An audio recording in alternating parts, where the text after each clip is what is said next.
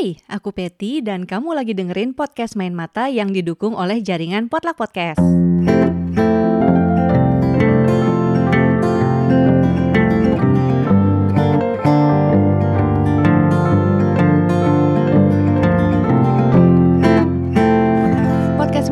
Adalah podcast buku yang ngebahas banyak hal seputar dunia perbukuan seperti obrolan dengan para pelaku, mulai dari penulis, penerbit, editor, dan lainnya. Juga ada rekomendasi berbagai jenis buku dan tantangan untuk kamu para pembaca. Selain podcast Main Mata, di jaringan Potluck Podcast juga ada podcast-podcast lain yang ngebahas tentang film, buku, seni, dan lain sebagainya. Cek akun Instagram @potluckpodcast, P O D L U C K ya, untuk info lengkapnya. Menjelang Hari Perempuan Internasional yang jatuh awal Maret, aku bersama dua orang teman pembaca mau merekomendasikan tiga buku yang ditulis oleh penulis perempuan dengan tema-tema yang mengangkat tentang perempuan juga. Dan kerennya lagi nih, ketiga buku ini ada satu yang masuk nominasi Man Booker Prize, yang satu itu menang penghargaan Man Booker Prize, dan satu lagi menang J. Anthony Lucas Book Prize. Langsung aja yuk! Buku pertama, ini aku yang rekomendasikan, judulnya Milkman. Buku ini ditulis oleh Anna Burns, dia ini penulis asal Irlandia. Buku Milkman ini memenangkan penghargaan Man Booker Prize tahun 2018 lalu. Aku baca versi terjemahan bahasa Indonesianya yang diterbitkan oleh penerbit namanya Semikolon. Kamu bisa cek akun Instagramnya di @semikolonian. Jadi aku tertarik baca buku ini itu selain karena dia itu menang penghargaan Man Booker Prize, juga karena pas baca sinopsisnya kok kayaknya menarik banget ya. Jadi di sampul belakangnya itu tertulis begini. Di sebuah kota tanpa nama, menjadi seseorang yang menarik adalah hal yang berbahaya. Seorang saudari tengah berusaha keras agar ibunya tidak tahu menau tentang mana tahu pacarnya dan merahasiakan pertemuannya dengan seorang tukang susu. Namun, sang kakak ipar mencurigai gerak-geriknya dan rumor pun mulai berkembang. Saudari tengah menjadi hal yang menarik dan itu berbahaya karena konflik politik berkepanjangan yang terjadi di tempatnya tinggal dengan kota di seberang perbatasan dan negeri di seberang air.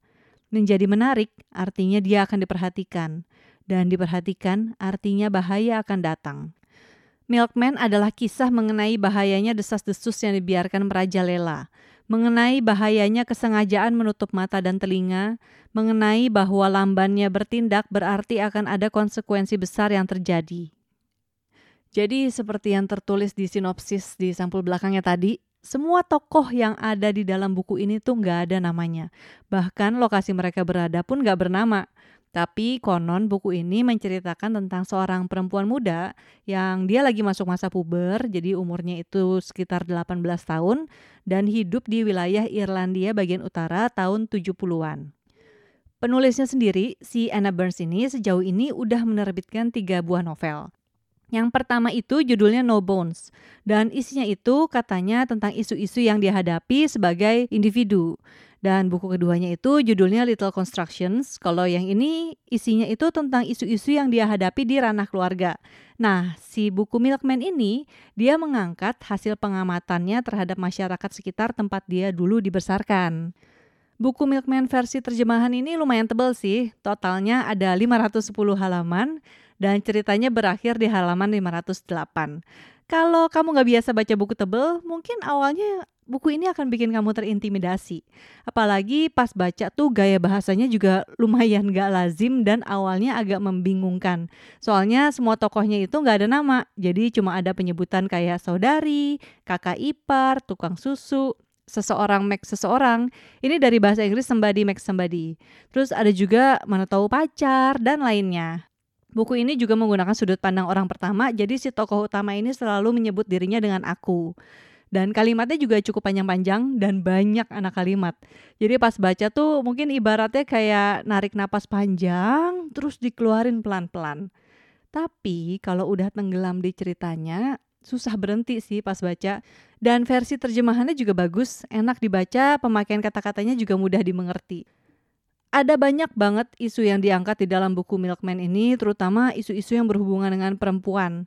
Di sini si tokoh utama yang gak bernama ini digambarkan berusia 18 tahun dan dia hidup di lingkungan yang serba diawasi dan tertindas. Soalnya tahun 1970-an itu di Irlandia Utara tuh lagi masa-masa terjadinya konflik etnis yang disebut dengan The Troubles. Dan waktu puncak-puncaknya konflik, ada ribuan orang mati karena ditembak atau dibom sama pasukan Inggris atau grup militer yang waktu itu juga terpecah jadi dua. Gara-gara itu, kehidupan sehari-hari si tokoh utama ini memang selalu penuh ancaman. Kalau misalnya ada apa-apa, katanya tuh mendingan jangan telepon polisi atau ambulans, soalnya nanti pihak pemerintah malah sadar dengan keberadaan lo dan lebih bahaya. Dan belum tentu juga sih polisi atau ambulansnya itu akan datang untuk nolongin karena takut disergap. Terus pemerintah juga naruh kamera pengawas di mana-mana untuk memantau keberadaan warganya. Si tokoh utama ini sebenarnya nggak mau menonjolkan diri di tengah masyarakat, tapi dia tuh punya satu kebiasaan yang sebenarnya nggak aneh sih, tapi pada masa itu tuh dianggap aneh dan bikin keberadaan dia disadari sama warga sekitar. Jadi dia nih suka jogging dan juga suka jalan sambil baca buku. Dan kegiatan dia jalan sambil baca buku itu dianggap aneh dan oleh saudaranya dia dibilang untuk jangan ngelakuin hal itu lagi. Beberapa isu yang dialami si tokoh utama juga relevan banget dengan isu yang sekarang nih mungkin lagi cukup banyak diangkat di Indonesia Ya, misalnya dari sesederhana gini, ibu si tokoh utama ini selalu nyuruh dia untuk jadi anak bener dengan cepetan nikah dan punya anak. Dan si tokoh utama ini juga diincar oleh si milkman alias si tukang susu dari awal cerita. Jadi setiap dia jogging, si milkman ini selalu ngebuntutin dia. Dan meskipun si milkman ini sebenarnya nggak pernah nyentuh si tokoh utama, dia kayak cuman nguntit, stalking, ngikutin aja dari belakang, terus ngeliatin. Tapi gosip tuh beredar cepet banget kalau dia tuh pacaran sama milkman. Dan si milkman ini digambarkan sosoknya itu laki-laki paruh baya, udah nikah dan dia punya peranan penting di grup militer. Jadi tentu aja hubungan mereka berdua tuh jadi omongan warga banget. Dan gara-gara itu juga si tokoh utama ini jadi terkenal, tapi in a bad way. Karena di masa itu, ya itu tadi, mendingan Lelo aja daripada harus muncul ke permukaan cerita di dalam buku ini tuh mengangkat tentang gimana kekerasan tuh udah jadi hal yang biasa karena saking seringnya ditemui. Orang-orang tuh setiap hari merasa takut dengan hidupnya dan dia juga takut satu sama lain. Pokoknya takut terhadap apa pun yang membuat mereka dianggap kelihatan gak normal karena beda dari yang lain. Bahkan untuk minuman teh aja ada yang boleh dan gak boleh. Terus untuk milih nama untuk anak juga sama. Ada nama yang diperbolehkan dan ada yang gak diperbolehkan. Tapi meskipun banyak banget peristiwa gelap yang dialami dari sudut pandang si tokoh utama ini, kita tetap bisa menemukan secercah harapan yang bikin lega. Jadi kalau kamu penasaran baca buku versi bahasa Indonesia-nya buku Milkman, bisa langsung cek ke penerbitnya di @semikolonian. Kalau nggak salah, beberapa waktu lalu buku ini juga tersedia di Posanta kok. Oke, itu tadi rekomendasi buku dari aku. Sekarang ada satu rekomendasi buku lagi, kali ini dari Marina Fariza yang akun Instagramnya itu @marinaritz19. Marina ngerekomendasiin buku berjudul The Underground Girls of Kabul, ditulis oleh Jenny Nordberg. Ini buku nonfiksi bertema jurnalisme investigatif yang sepertinya keren banget. Aku belum baca, tapi abis dengerin rekomendasinya Marina, aku jadi pengen baca. Yuk kita dengerin. Halo, kenalkan, namaku Marina biasanya dikenal sebagai Marina Zala untuk di Goodreads dan at Marina Ritz di Instagram. Saat ini aku bekerja di salah satu lembaga keuangan pemerintah. Untuk hobiku sendiri adalah membaca buku, lalu biasanya juga menuliskan review atas buku yang sudah aku baca tersebut. Nah, untuk kesempatan kali ini, Kebetulan aku dihubungi oleh Patricia beberapa waktu lalu untuk mengisi sesi ini. Di mana bulan lalu aku mengulas buku berjudul The Underground Girls of Kabul in Search of Hidden Resistance in Afghanistan by Jenny Notebook. Atau kalau bisa disingkat sih judulnya adalah The Underground Girls of Kabul. Kalian bisa mencari buku itu di dalam Goodreads untuk reviewnya. Nah, pertama kali aku membeli buku ini sebenarnya di Big Batu Tangerang pada tahun 2017. Di sini jujur, aku tertarik di mana buku ini tampaknya akan membahas mengenai pergerakan bawah tanah oleh perempuan seperti penjahit dari Kair Kana yang bukunya pernah aku lahap beberapa waktu lalu. Untuk buku ini aku merekomendasikan kepada para pendengar karena temanya yang menarik, yaitu mengenai wanita di Afghanistan dan budaya baca pos di sana. Pada akhir Januari 2020 kemarin, aku akhirnya menemukan momen untuk membaca buku ini. Ternyata buku ini menceritakan mengenai tradisi baca pos atau lelaki cantik di Afghanistan. Sebagaimana kita ketahui, Ternyata dalam masyarakat Afghanistan, keluarga-keluarga yang tidak memiliki keturunan anak laki-laki dianggap menjadi suatu aib di dalam keluarga itu. Sehingga untuk menghindari bahan pergunjingan dari anak-anak perempuan yang ada, ditunjuklah satu anak perempuan untuk menjadi anak laki-laki di dalam keluarga tersebut. Apa? Anak perempuan menjadi anak laki-laki? Iya, Benar, kalian tidak perlu terkejut karena hal tersebut sangat lazim dilakukan di Afghanistan. Dan inilah yang menjadi pembahasan utama di dalam buku ini. Setiap bab di dalam buku yang ingin aku ceritakan kepada kalian membahas kisah-kisah wanita yang dahulunya pernah mengalami menjadi seorang basya pos. Pertama-tama, marilah kita bertemu dengan Azita, seorang perempuan, ibu, dan istri yang berprofesi sebagai politisi. Bisa dikatakan ia sukses dalam karir, akan tetapi satu kegagalannya adalah ia memiliki empat anak perempuan, sehingga ia terpaksa menjadikan salah satu anak perempuannya yang bernama Mehran dijadikan sebagai anak laki-laki di dalam keluarganya untuk menjaga nama baik dirinya, suaminya, dan keluarganya. Ada lagi nih, kisah Zahra yang sempat dijadikan sebagai basya pos di dalam keluarganya. Nah, yang perlu kita ketahui di sini teman-teman, anak perempuan yang beranjak remaja nantinya mereka akan dipaksa untuk kembali menjalani kodrat sebagai wanita. Meskipun mereka sebelumnya kan menjalani sebagai basya pos kan. Nah, hal ini akan menimbulkan disorientasi gender yang salah satunya dialami oleh Zahra. Karena dia kan sebelumnya dari kecil dididik sebagai anak laki-laki. Terus ketika dia udah mulai puber, dia harus kembali menjalani kehidupan sebagai perempuan. Di mana yang kita ketahui, kehidupan Afghanistan sangat patriarki, sehingga perempuan tidak memiliki kebebasan, hak berpendapat, dan yang lain-lain sebagaimana layaknya para pria. Sebenarnya masih banyak kisah-kisah dari wanita lainnya di buku ini yang mengalami nasib serupa. Sehingga ada yang membuat saya sedih, ada yang memutuskan untuk tidak menikah karena jiwanya adalah pria, meski tubuhnya adalah seorang wanita. Ada juga yang memilih untuk hidup sendiri meski dianggap hal ini bertentangan dengan kehidupan norma bermasyarakat di Afghanistan.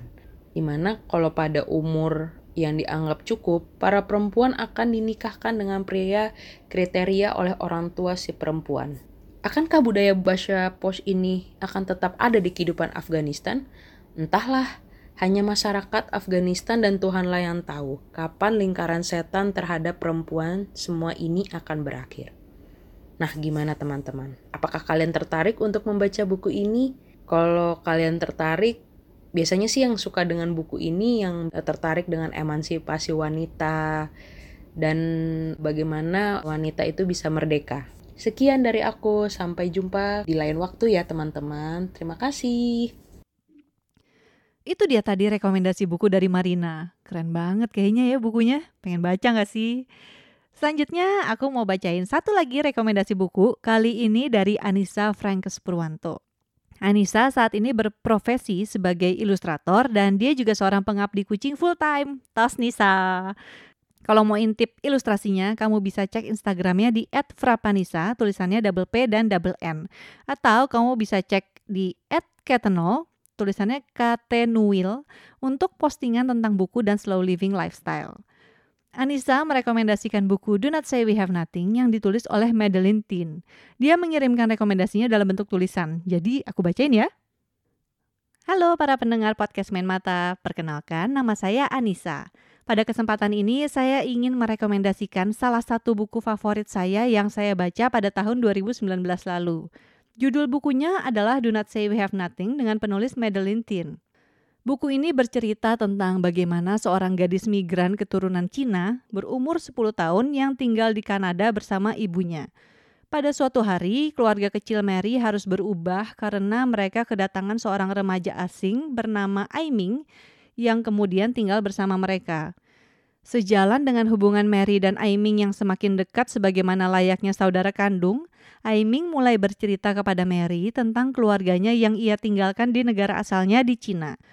Dari cerita-cerita Aiming kepada Mary, kita diperkenalkan kepada tokoh-tokoh penting lain dalam buku ini, seperti tiga serangkai Sparrow, Zuli, dan Kai, yang merupakan anggota-anggota konservatorium musik Shanghai di masa pemerintahan Mao Zedong. Hingga pada suatu hari, Aiming harus pergi meninggalkan Mary dan ibunya untuk pindah ke Amerika Serikat dan berusaha untuk menjadi penduduk tetap di negara tersebut.